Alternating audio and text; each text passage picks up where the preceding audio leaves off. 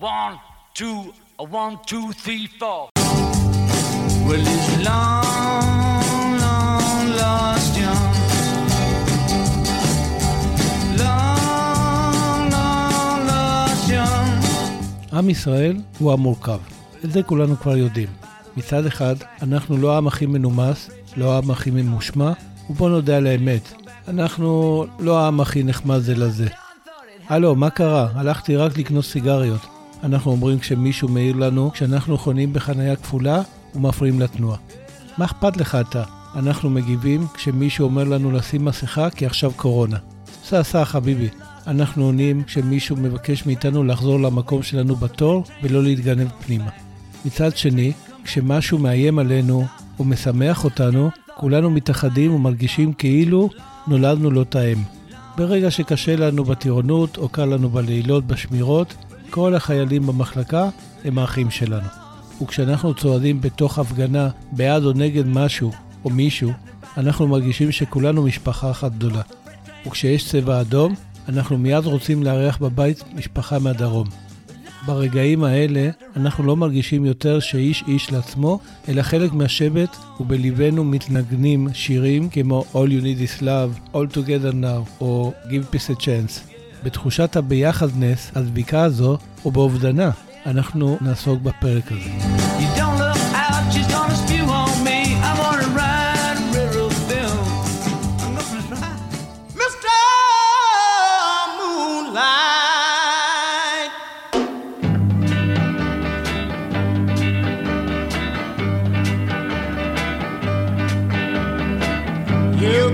ג'ון, פול, ג'ורג' ופיט בסט, מי שהיה אז המתופף של הביטלס, הסתכלו מהבמה אל עבר האמרגן סם ליץ', שעמד בקצה האולם, שזה עתה התרוקן מאדם. המבטים שלהם היו מבטים של what the f... מה כל זה היה עכשיו? מה בכלל קרה כאן הערב? ליץ' המסכן מצץ מהסיגריה שלו והרגיש לחוץ ומיואש. לא פלא שהוא ממש נטף זיעה למרות הקור של דצמבר 1961. הוא משך בכתפיו ולא ידע מה עוד הוא יכול לעשות. כבר הביא להם קודם בירות מהפאב הקרוב, בתקווה לפייס אותם, אבל הם לא ממש נראו מפויסים. ליץ' היה מתוסכל עד מוות, וידע שלא הצליח לעמוד באף אחת מההבטחות שלו לחבר הביטלס. ובעיקר לא הצליח למלא את האולם שבו נערכה זה עתה ההופעה שלהם. טוב, להגיד שהוא לא הצליח למלא את האולם זה ממש לעשות חסד עם האיש הזה. כי כל מה שהצליח לעשות הוא לאסוף קהל של, רגע, גם להגיד קהל זה לעשות חסד גדול עם האיש הזה. אני אנסח את זה שוב. כל מה שהצליח לאיש לעשות היה להביא להופעה קומץ, רק קומץ של 18 אנשים וזה הכל. כן, כן, הביטלס הופיעו באותו ערב בפני 18 אנשים בלבד. וזה אפילו לא במשך כל ההופעה, אלא רק בשיאה, כי רוב הזמן היו באולם אפילו פחות מזה. ג'ון הלך לארגזים שהיו מונחים בצד הבמה, ומצא באחד מהם כדור בינגו. הוא בעט בכדור לעבר פול, שבעט לעבר ג'ורג', שבעט לעבר פיט, וכך פרקו ארבעה את תסכולם במשחק כדורגל, או יותר נכון, כדור בינגו. היי סם, מה אתה עומד שם כמו אני לא יודע מה? צעק לעברו ג'ורג'. לך תביא לנו עוד בירות, לפחות תהיה בן אדם. האמת היא שאף אחד לא מיהר עכשיו להיכנס לבן שהביא אותם ולנסוע תשע שעות בחזרה לליברפול, ועוד בקור הזה. ליץ' עינן בראשו ומיד יצא מהאולם והלך בחצי ריצה, חצי הליכה, לפאב הקרוב. כשהיה בדרכו חזרה עם בקבוקי הבירה, שמע מהרחוב את הצעקות והרעש שהחבר'ה עשו בתוך האולם. באותו רגע הוא נשא תפילה קטנה בלב שהרעש לא יפריע לשכנים ולא יביא להם משטרה. כשנכנס, הופסק המשחק וכולם רצו אליו, חטפו את בקבוקי הבירה ורוקנו אותם כמעט בשלוק אחד. ליץ' קיווה שעכשיו האווירה תהיה יותר ידידותית, אבל הם שוב העיפו לעברו מבטים זועמים. ג'ון, פול, ג'ורג' ופיט חזרו למשחק, והפעם, כשהם כבר חצי שיכורים, הם צעקו והרעישו עוד יותר. אוי השכנים, חשב שוב ליץ', אבל לא העז להעיר להם אף הערה בעניין. בערך בשעה אחת לפנות בוקר, נשמעו בדלת דפיקות חזקות. ליץ' רץ לפתוח, וראה מולו ארבעה שוטרים עם פרצופים לא בדיוק ידידותיים. מאחוריהם עמדו שלוש ניידות משטרה, וליץ' המסכן הבין שהחששות שלו התגשמו. אחד השוטרים אמר בקול סמכותי שהשעה מאוחרת והשכנים לא מפסיקים לצלצל לתחנת המשטרה ולהתלונן על הרעש. זה הרכב שלכם? שאל השוטר כשהוא מצביע לעבר אבן שחנה בחוץ. כן, אדוני השוטר, ענה ליץ' והרגיש שבעוד רגע יחטוף שבץ. אני רוצה שתוך חמש שניות כולכם תהיו בתוכו ותסתלקו מכאן, ושלא תעזו לחזור לאלדרשוט אף פעם. אחרת, אני אישית אעצור אתכם על הפרת השקט והסדר הציבורי. זה ברור? ליץ' וחברי הביטלס לא נתנו לשוטר להמתין רגע. נכנסו לבן, התניעו את הרכב והשאירו מאחוריהם אבק. שלוש שנים, שמונה חודשים ושישה ימים מאוחר יותר, טסו חברי הביטלס מעל שמי מנהטן אל עבר אצטדיון שי סטדיום שברובע קווינס. שם המתין להם קהל שמנה קצת יותר מ-18 איש. ליתר דיוק, 55,600 מעריצות ומעריצים נלהבים. זו הייתה ההופעה הגדולה ביותר שהתקיימה עד אז. Paul's broken at last, broken at last, Paul's broken at last, at last, at last he's broke today. One, two, three, one, two, three. Come on, come on, come on, come on, come on and set your good, come on and set your good. שלום, אתן מאזינות ומאזינים לפרק 11 של הפודקאסט לביטלס יש משהו להסתיר. אתם יודעים, ההיסטוריה נעשית על ידי אנשים שבעצם מעשיהם והחלטותיהם מכתיבים את מהלכה. והמעשים וההחלטות האלה הם פרי האישיות, הפחדים, הגחמות, הרצונות, ההרגלים וההתניות של האנשים האלה. כך היה גם עם הסיפור של הביטלס. בפודקאסט הזה אני בוחן את הסיפור המרתק של הלהקה החשובה בעולם, דרך ארבעת חבריה עם כל המשתמע מכך, ותמיד מעלה את השאלה, מה אם הם היו נוהגים אחרת? האם אז הסיפור של הלהקה היה מתפתח לכיוון שונה? או אולי לא. דרך הזווית הזו, אני מציע דרך שונה לבחון את סיפור הביטלס, בתקווה לעורר נקודות חדשות למחשבה. ולמי שרוצה לדעת עוד על הנושא של הפרק, אני בסוף ממליץ על ספר מתוך הספרייה הפרטית שלי, שבה למעלה מ-150 ספרים על הביטלס. הוא מסיים עם שיר קשור לנושא שעושה לי את זה. בפרק הזה נבחן את אחת ההחלטות הגורליות שקיבלו הביטלס, ששינתה את מהותה של הלהקה והפכה אותה ללהקת אולפן. ההחלטה להפסיק להופיע. למה זו החלטה כל כך חשובה ששווה להקדיש לפרק? למה זו לא החלטה טריוויאלית בכלל עבור הביטלס כמו שעבור כל להקה? למה ייתכן וההחלטה הזו השפיעה על מהלך הסיפור של הביטלס בדרך שממעטים לדבר עליה? האם זו הייתה בכלל החלטה נכונה? ננסה לענות על כל השאלות האלה ועל הרבה יותר במהלך הפרק. אז למה אנחנו מחכים? הזמנו בייביסיטר, התלבשנו יפה, המונית כבר למטה, אז יאללה, בואו נתחיל. לפעמים שואלים אותי האם הסצנות שאני מתאר בתחילת כל פרק אמיתיות, והתשובה שלי היא תמיד שכן, כולן אמיתיות לגמרי. טוב, חוץ מזו שבתחילת פרק 10, שם ציינתי שזו סצנה שלא באמת קרתה. אז אם אתם תוהים גם עכשיו, האם הסצנה שפתחה את הפרק הזה באמת קרתה, ובאמת הביזנס הופיעו בפני 18 אנשים בלבד? אז התשובה היא חד משמעית כן. זה באמת מה שקרה בדצמבר 1961. איך זה יכול להיות? הרי כבר אז מילאו הביטלס אולמות ומועדונים בליברפול וסביבותיה. אתם מעלים שאלה מצוינת. תזכרו אותה, כי עוד מעט אסביר הכל, כולל איך ההשלכות של ההופעה הזו היו הרות גורל על המשך הקריירה של הביטלס. אבל קודם, נתחיל מההתחלה.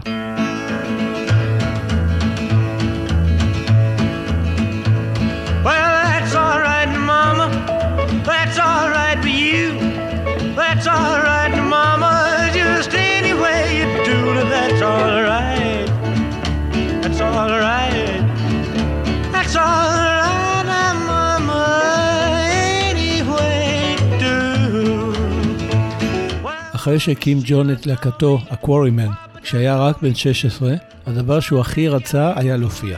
כבר סיפרתי בפרקים הקודמים שחוץ מהמוזיקה עצמה, כל מה שג'ון וחבריו רצו היה לעמוד על הבמה ולזכות במבטי הערצה של הבנות.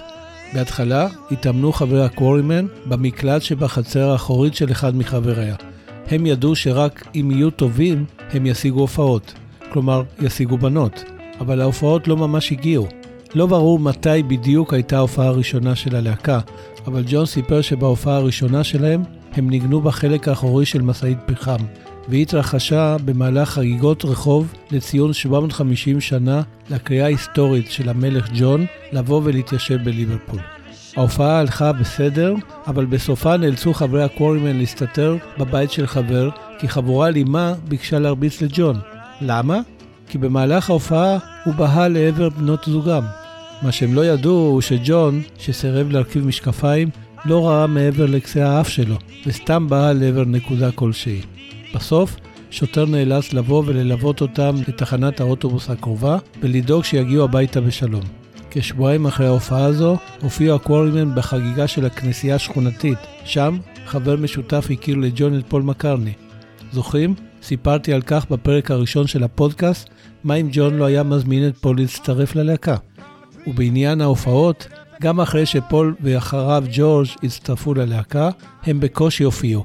אבל התשוקה שלהם לעלות לבמה ולנגן מול קהל בערה כל הזמן בעצמותיהם.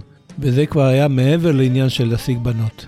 אתם בוודאי זוכרים שבפרק 5 של הפודקאסט, מה אם ג'ורג' לא היה הכי צעיר בביטלס, סיפרתי על כך שבסוף שנת 1958, כאשר הלהקה בקושי הופיעה, הצטרף ג'ורג' ללהקה נוספת, בשם לסטיוארט קוורטט. וזאת משום שלה היו הופעות קבועות בכל סוף שבוע באחד ממועדוני העיר. חברי להקת הקוורימן, שבהמשך הפכה ללהקת הביטלס, רצתה להופיע בכל מקום אפשרי, ולא היה משנה לה איפה ובמה זה היה כרוך. הם הסכימו להופיע אפילו תמורת תשלום זעום, לפעמים כריך וכוס בירה ולפעמים כלום. ואפילו אם הדבר גרר נסיעות ארוכות באוטובוסים, כשהם גוררים לא רק את הגיטרות, אלא גם את מערכת התופים המסורבלת והכבדה. ואפילו אם הם נאלצו לחזור הביתה לא פעם, חבולים ופצועים, כי חבר'ה בקהל חשבו שלהרביץ להם זה חלק מהתמורה לכרטיסי ההופעה. ואפילו אם הם נאלצו להרחיק עד העיר המבורג הרחוקה ולהתגורר בה בתנאים מחפירים ולהופיע במשך 8 עד 12 שעות בכל לילה באחד המועדונים שברוב הזימה של העיר. בשלב מסוים, אחרי שחזו מהמבורג, הפכו הביטלס ללהקה הפופולרית ביותר בליברפול ובסביבותיה. ואז סוף סוף התחילו הזמנות להופיע, לזרום בקצב הולך וגובר. מאז הופיעו הביטלס כמעט מדי יום, ולעיתים במספר הופעות ביום. זה תמיד היה במקומות מלאים במעריצים שהלכו בעקבותיהם מהופעה להופעה. וככה הגענו להופעה של הביטלס בפני 18 אנשים. זוכרים? איך זה קרה? הנה, סוף סוף הסיפור המלא. סם ליץ' היה מלגן מאוד מוכר מליברפול, שארגן הופעות ללהקות שונות. עבור הביטלס הוא ארגן כ-40 הופעות שמאוד הצליחו ועזרו להם לקדם את הקריירה. יום אחד הבטיח להם ליץ' להביא אותם להופיע בפעם הראשונה בלונדון הבירה, ולעזור להם לקבל חוזה הקלטות באחת החברות הגדולות שבעיר. בסופו של דבר, לא עמד ליץ' בשלוש הבטחות כלפיהם. ראשית, הוא לא הביא אותם ללונדון, אלא לאלדרשוט, עיירה רחוקה מהבירה בכ-60 קילומטר. שנית, הוא לא הצליח לשווק את ההופעה, דבר שהיה הכרחי משום שהיה מדובר בהופעה רחוקה מהמגרש הביתי שלהם, כלומר מליברפול וסביבותיה. אמנם דאג ליץ' מבעוד מועד שתפורסם מודעה בעיתון המקומי, ואפילו תלה במו ידיו פוסטרים ברחבי העיירה, אבל המודעה לא פורסמה, והפוסטרים נעלמו כלא היו. למה? כי מערכת העיתון, כמדיניות, לא הסכימה לפרסם מודעה מלקוח שלא הכירה, אלא אם שילם במזומן. וליץ', שהיה לקוח שמערכת העיתון לא הכירה, שלח צ'ק. ולגבי הפוסטרים שתלה, מסתבר שלהקה מתחרה שהופיעה באותו ערב, דאגה להסיר אותם מכל מקום. וכך, אף אחד בעיירה לא ידע על ההופעה הזו. והבטחה שלישית שליץ' לא קיים, היא שהוא לא קירב אותם אפילו במילימטר לעבר חוזה הקלטות הנחשק. אמנם שלח ליץ' הזמנות להופעה לכל האנשים החשובים בחברות ההקלטות שבלונדון, בתקווה שיתלהבו כשיראו את הביטלס על הבמה ומיד יחתים אותם, אבל האנשים האלה לא חשבו לטרוח עד לעיירה אלדרשוט רק כדי לראות הופעה של להקה שמעולם לא שמעו עליה. וכך, אחרי הפיאסקו הזה, החליטו חברי הביטלס לא לעשות יותר שלושה דברים. א', לא לחזור לעולם לאלדרשוט, כפי שציוותה עליהם המשטרה המקומית. ב', לא להופיע יותר באף הופעה שיארגן ליץ'. ג', לדחות את ההצעה שקיבלו ממנו מבעוד מועד, להתמנות למנהל הלהקה, ובמקומה, להיענות להצעה אחרת שקיבלו רק שבוע קודם, זו שהניח בפניהם בריאן אפסטיין. כך, מאז יצא מתוק, ובזכות ההופעה הזו, בפני 18 איש, זכו הביטלס במנהל הטוב ביותר שיכלו לייחל לו.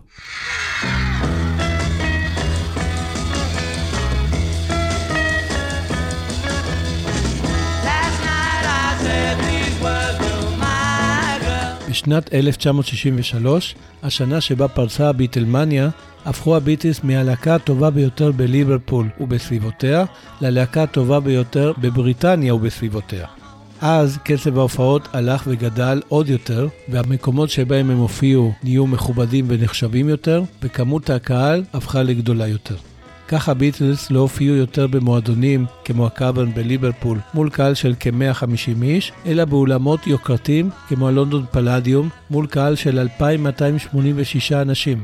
ובמקום להופיע רק מול מעריצות ומעריצים, הופיעו הביטלס גם מול השמנה והסלטה של לונדון, כולל המלכה האם והנסיכה מרגרט. כן, זו אותה הופעה שבה אמר ג'ון, החצוף יש לומר, את המשפט המפורסם. לשיר האחרון ארצה לבקש את עזרתכם. האנשים שבמושבים הזולים, האם תוכלו למחוא כפיים? וכל היתר, רק אם תוכלו לשקשק בתכשיטים שלכם. For our last number, I'd like to ask your help. For the people in the cheaper seats, clap your hands. and the rest of you, if you just rattle your me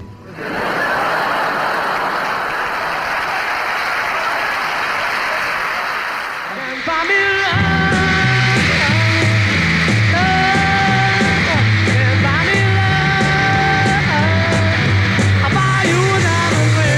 בשנת 1964 התפשטה ביטלמניה ברחבי הגלובוס, והביטלס הפכו מהלהקה הטובה ביותר בבריטניה וסביבותיה, ללהקה הטובה ביותר בעולם כולו וסביבותיו. הם הוזמנו להופיע במדינות וביבשות שונות, וארצות הברית, שהייתה מרכז המוזיקה העולמי עד אז, הפכה לנר לרגליהם. במקביל, הפכו סיבובי ההופעות לאינטנסיביים יותר, והיו לא מעט פעמים שבהם קיימו הביטלס שתי הופעות ביום. השיא היה בקיץ 1965, כאשר קיימו הביטלס את ההופעה המפורסמת ביותר, זו שהזכרתי בתחילת הפרק, ואני מתכוון להופעה ההיסטורית באצטדיון שי סטדיום בניו יורק, לפני קהל של 55,600 איש ו-2,000 אנשי ביטחון שניסו לשמור על הסדר. במונחים של אז זה היה קהל עצום, וזו הייתה ההופעה הגדולה ביותר שהתקיימה עד אז.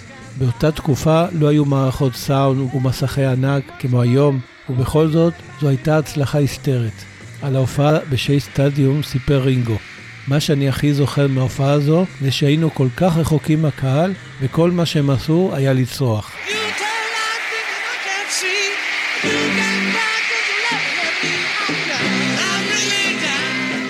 בדיוק שנה לאחר מכן, באוגוסט 1966, הופיעו הביטלס בסן פרנסיסקו באצטדיון בשם קנדלסטיק פארק, וזו הייתה ההופעה האחרונה שלהם. הביטלס לא הכריזו על כך, ומבחינת הקהל, זו הייתה רק ההופעה האחרונה של סיבוב ההופעות של אותה שנה בארצות הברית. אבל הביטלס לא רצו לעלות יותר לשום במה מול שום קהל. למה החליטו הביטלס להפסיק להופיע? לפני שנשיב על השאלה החשובה הזו, אני רוצה להסביר למה זו לא הייתה החלטה טריוויאלית כלל וכלל.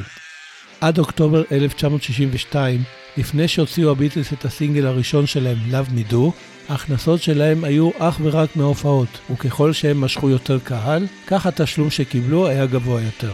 בהמשך הדרך, כשהתחילו להוציא תקליטים, התווסף ללהקה מקור הכנסה חשוב נוסף, והוא התמלוגים מהמכירות שלהם. עד כאן זה לא שונה מכל להקה אחרת. כמובן שמבחינת הביטלס זה לא היה רק זה. הם הרוויחו גם מתמלוגים על השירים שהם כתבו והושמעו ברדיו או בטלוויזיה, או שבוצעו על ידי זמרים אחרים. והם גם קיבלו אחוזים ממכירה של מרצ'נדייז ומסדרת הסרטים המצוירים ששודרה בטלוויזיה האמריקאית עם הדמויות שלהם ועוד. אבל נשים את כל אלה רגע בצד ונחזור לעניין ההופעות והתקליטים. ברגע שהביטלס התחילו להקליט, נוצרו יחסי גומלין הדדיים בין ההופעות למכירות התקליטים. וזה מה שקורה בכל להקה. הכוונה היא שההופעות שימשו, בין היתר, אמצעי לקדם את מכירות התקליטים, והתקליטים שימשו, בין היתר, אמצעי לקדם את מכירות הכרטיסים להופעות. הרי בהופעה מצפה הקהל לשמוע את השירים המוכרים מהתקליטים או מהספוטיפיי, והלהקה משמיעה גם שירים מהאלבום החדש שיצא. זו נקודה מאוד חשובה, כי בהחלטתם להפסיק להופיע, כרתו הביטלס צינור חשוב ומקובל לקידום התקליטים החדשים שיוציאו. האם ההחלטה להפסיק להופיע באמת פגעה במכירות האלבומים שלהם? ברור שלא. ולמה לא בעצם? תכף נבדוק את השאלה הזו, אבל קודם נחזור לשנת 1966, השנה שבה הפסיקו הביטלס להופיע. בשנה הזו חוו הביטלס בפעם הראשונה חוויות שכמוהן לא חוו קודם. ולא, אלה לא היו חוויות במובן החיובי של המילה. כחודשיים לפני ההופעה האחרונה שלהם, הופיעו הביטלס בטוקיו, באולם בשם ניפון בודוקן, שהיה היכל מסורתי חשוב ביפן, שבו התקיימו אומנויות לחימה וטקסי פולחן לחללי המלחמות.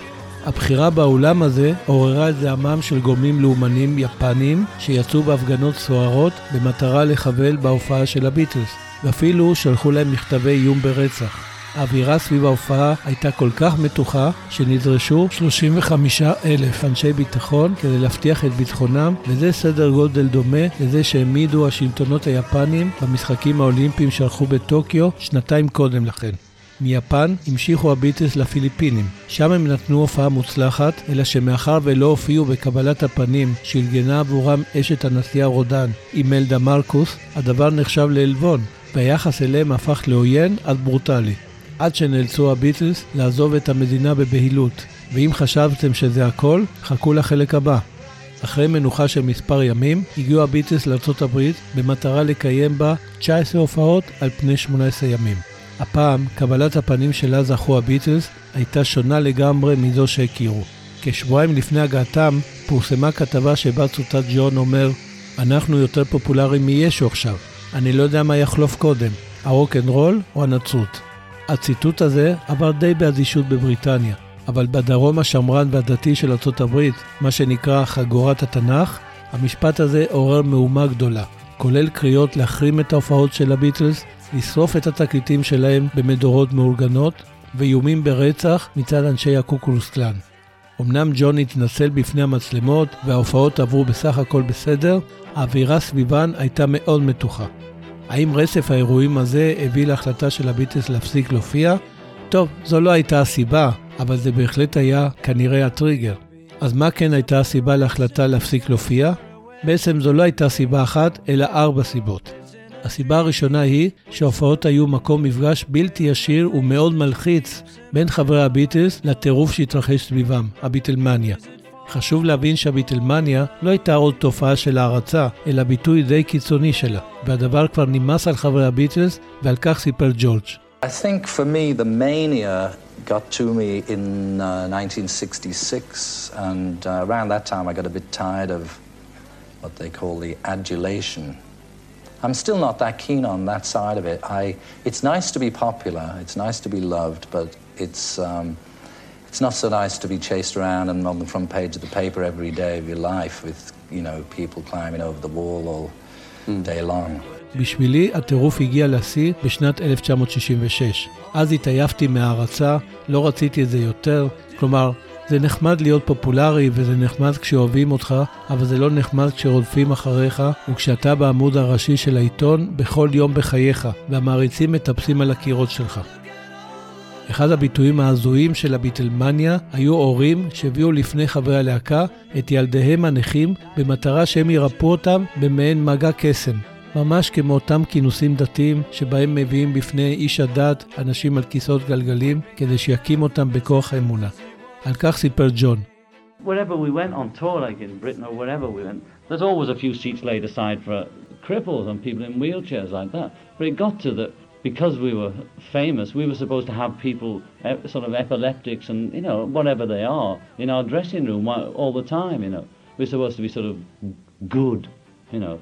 And, uh, and it's just, was, A, you wanted to be alone, and you don't know what to say, you know. I mean, because they're usually saying, I got your record, or they can't speak or something, and, and they just want to touch you. And it's always their mother or their nurse pushing them on you. They, they, they would just say hello and go away, but there's this sort of, like they push them at you like you're Christ or something, or as if you, there's some aura about you which will rub off on them, you know. And it just got to be like that. We got very sort of callous about it, you know. It was just dreadful, you know. I mean, you'd open up every night instead of seeing kids there, you just see a row full of cripples on the front, you know, all just sort of. It was just like that when, we were running through. There'd be, the people would be lining. It seemed like just surrounded by cripples and blind people all the time. And when, when we'd go through corridors,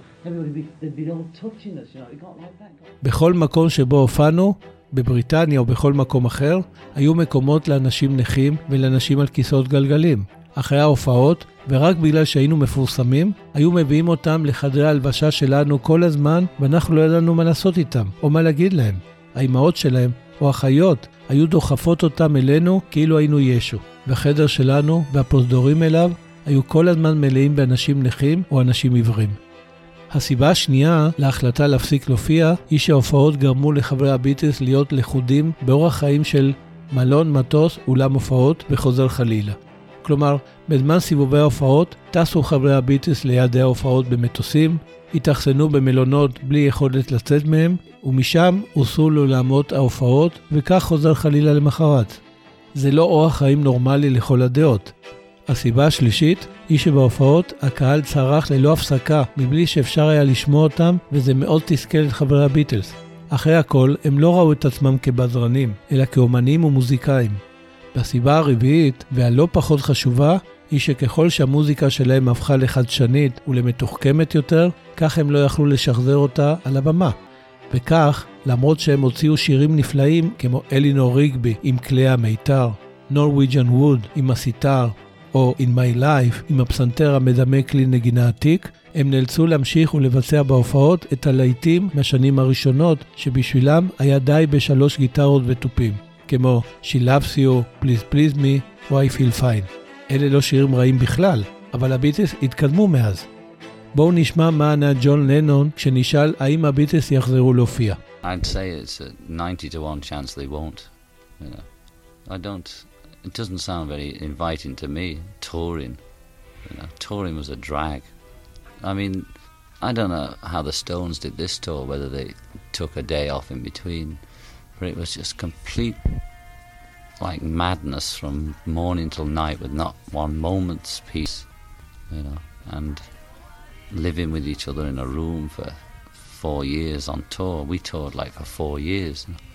And it was, of course, there were great moments, you know, and there was there's many. a la- Whenever we talk about it, it's all laughs. But when you get down to the physical reality, it was all pain, you know. because there was nothing in the music. We weren't getting any feedback, you know. We just go on, and we weren't we weren't improving. We were just turning out the same old. We weren't even, half the time we'd just mime on the mic because your voice had gone or anything like that. The kids would just be howling. You'd get kicked, beaten up, walked into walls, hustled, pushed, and יש סיכוי של 90 נגד 1 שלא נחזור להופיע. לא בא לי לחזור לזה. להופיע זה היה דבר מבאס. אני לא יודע איך הרולינג סטונס ממשיכים להופיע עד עכשיו. סיבובי ההופעות היו טירוף מהבוקר עד הלילה, ללא רגע אחד של שקט.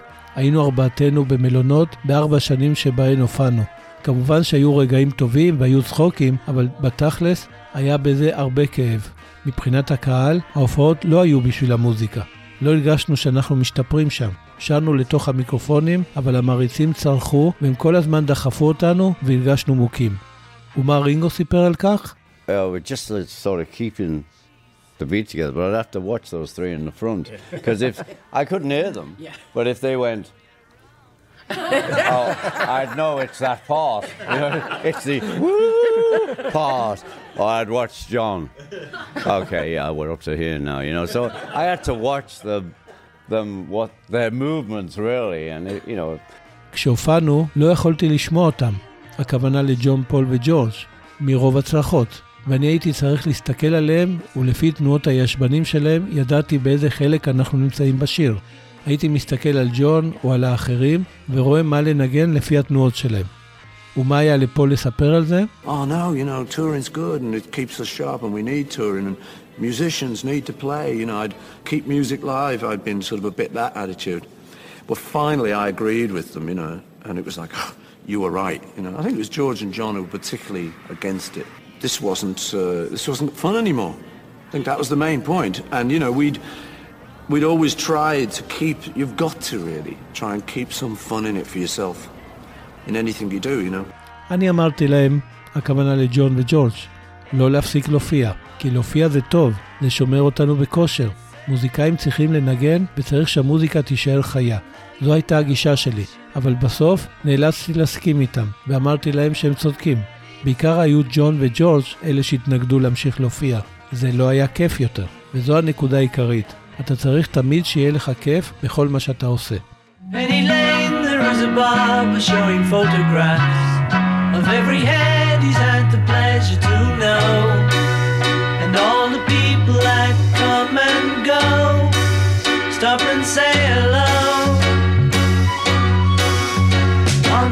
אז בניגוד למה שהביטלס תמיד השתדלו לספר לנו, ההחלטות לא תמיד התקבלו פה אחד, וההחלטה להפסיק להופיע לא הייתה יוצאת דופן.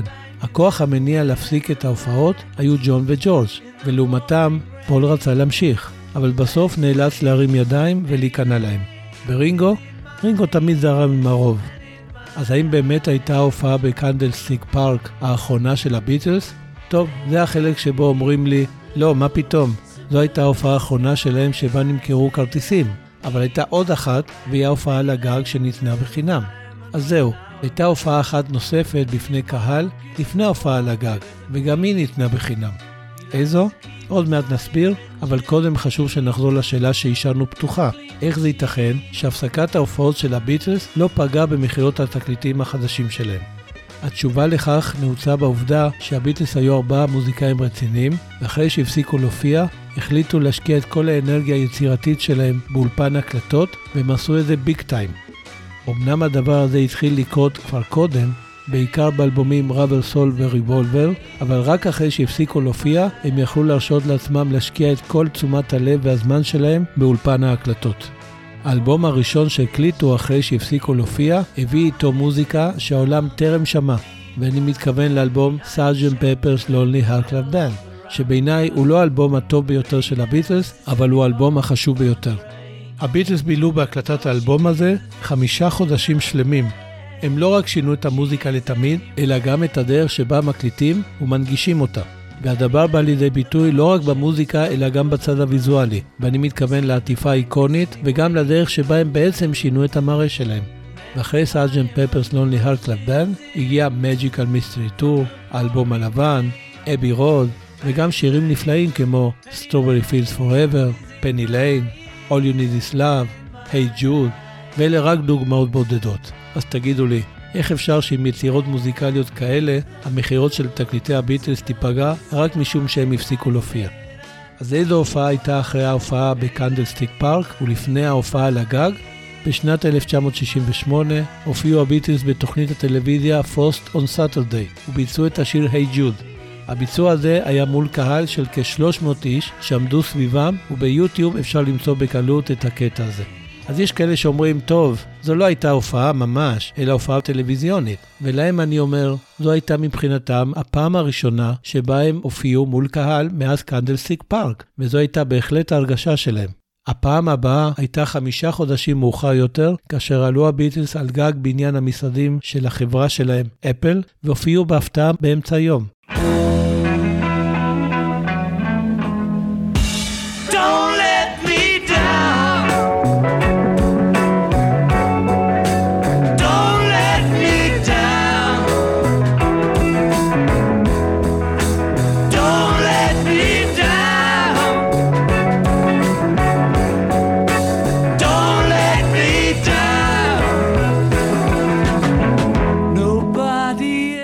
בהופעה הזו, רוב הקהל, כלומר האנשים שהיו ברחוב, לא יכלו לראות אותם, שהרי מדובר בבניין בין ארבע קומות, ורק אלה שהיו על הגגות או בקומות העליונות של הבניינים הסמוכים, יכלו לראות במו עיניהם את הביטלס בהופעתם האחרונה בהחלט.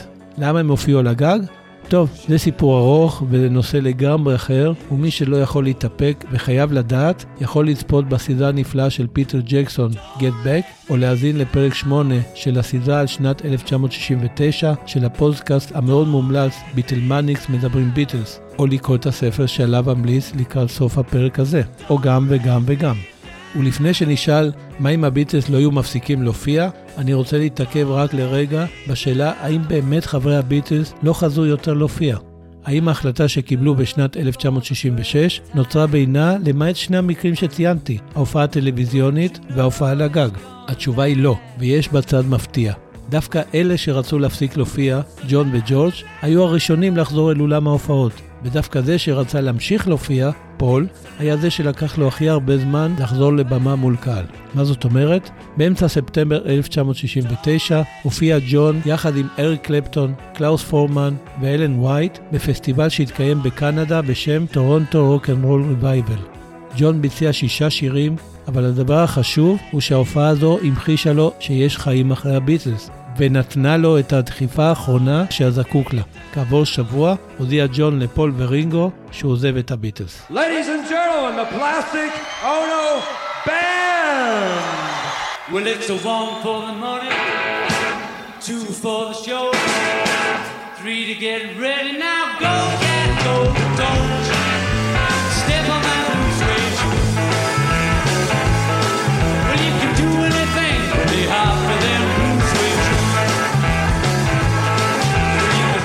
וגם לג'ורג' לא לקח יותר מדי זמן לחזור לבמה.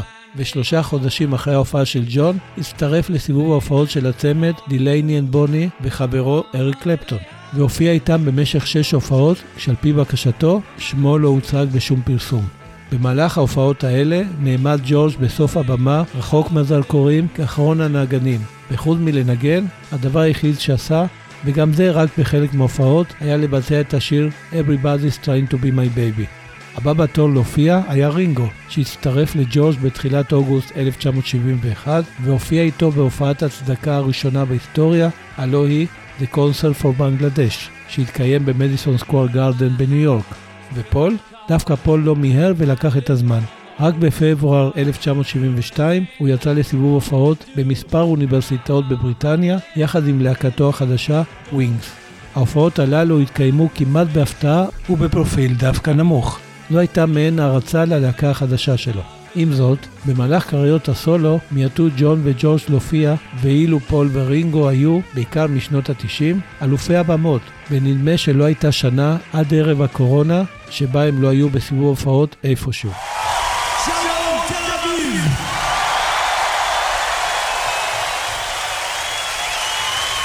שנה טובה!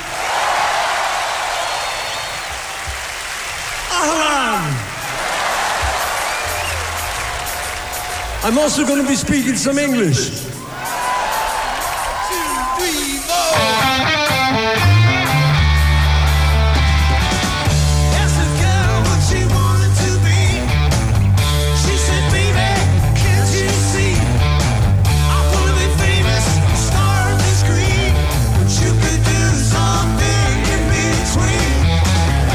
לצערנו הרב, ממש לפני הרצח הנורא, תכנן ג'ון לחזור לסיבוב הופעות עולמי, דבר שכמובן לא התממש. הנה מה שג'ון סיפר ממש ביום הרצח, ותשימו לב להתלהבות שבה הוא מדבר על האפשרות לחזור להופיע.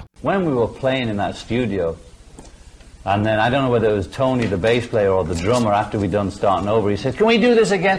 I mean, let's take it on the road. And that was the first time it came. I thought, My God, this would be fun, wouldn't it? And if we can do it in the way we've done the album, which is have fun, enjoy the music, enjoy the performance, be accepted as John and Yoko, then I'd be happy to go out there. Uh, that's the thing, you see. I don't. I, I, that's the bit I don't want to think about. You know, I don't, don't know know whether yet. Madison Square Garden is what I really want to do. But then, can I really go into a small club and am I going to have to deal with? Oh, he couldn't make Madison Square Garden anymore. Oh, I, do I have to care? Do I care? I don't know. But it's certainly a very big possibility that when we get the next album tucked away and people know the songs from Double Fantasy, we can go out and perform from Double Fantasy and the new album rather than having to go back even to Imagine, although we might do it, or even before Imagine. I don't really want to go out and do Yesterday. All my troubles seem so far away. כשהקלטנו באולפן, אמר אחד הנגנים, הבסיסט או המתופף, שנוכל לצאת לסיבוב הופעות. ובפעם הראשונה חשבתי, וואו, זה יכול להיות כיף. ואם יהיה כיף כמו שהיה באולפן ההקלטות, כשנהנינו מהמוזיקה ומהביצועים, וקיבלו אותנו בתור ג'ון ויוקו, אשמח לצאת להופעות. אני לא בטוח שאני רוצה להופיע במדיסון סקוור גרדן. מצידי אפשר להופיע במועדון קטן, ולא בטוח שיהיה לי אכפת מה יגידו. יש סיכוי ממש טוב שאחרי שיצא האלבום הבא, אנשים יכירו כבר את השירים מאלבום דאבל פנטסי, ואז נעשה הופעה עם השירים הללו ועם אלה שבאלבום הבא שהוציא. זה עדיף על שירים כמו Imagine או אלה שלפניו. אני בטוח לא רוצה לשיר את יסטרדי. אז עכשיו הגענו סוף סוף לשאלה, מה אם הביטלס לא היו מפסיקים להופיע? מה היה קורה אז? אז ברור שהלחצים והמתחים של תופעת הביטלמניה, ובמיוחד בזמן סיבובי ההופעות, יצרו סיטואציה שלא ניתן היה להתמיד בה.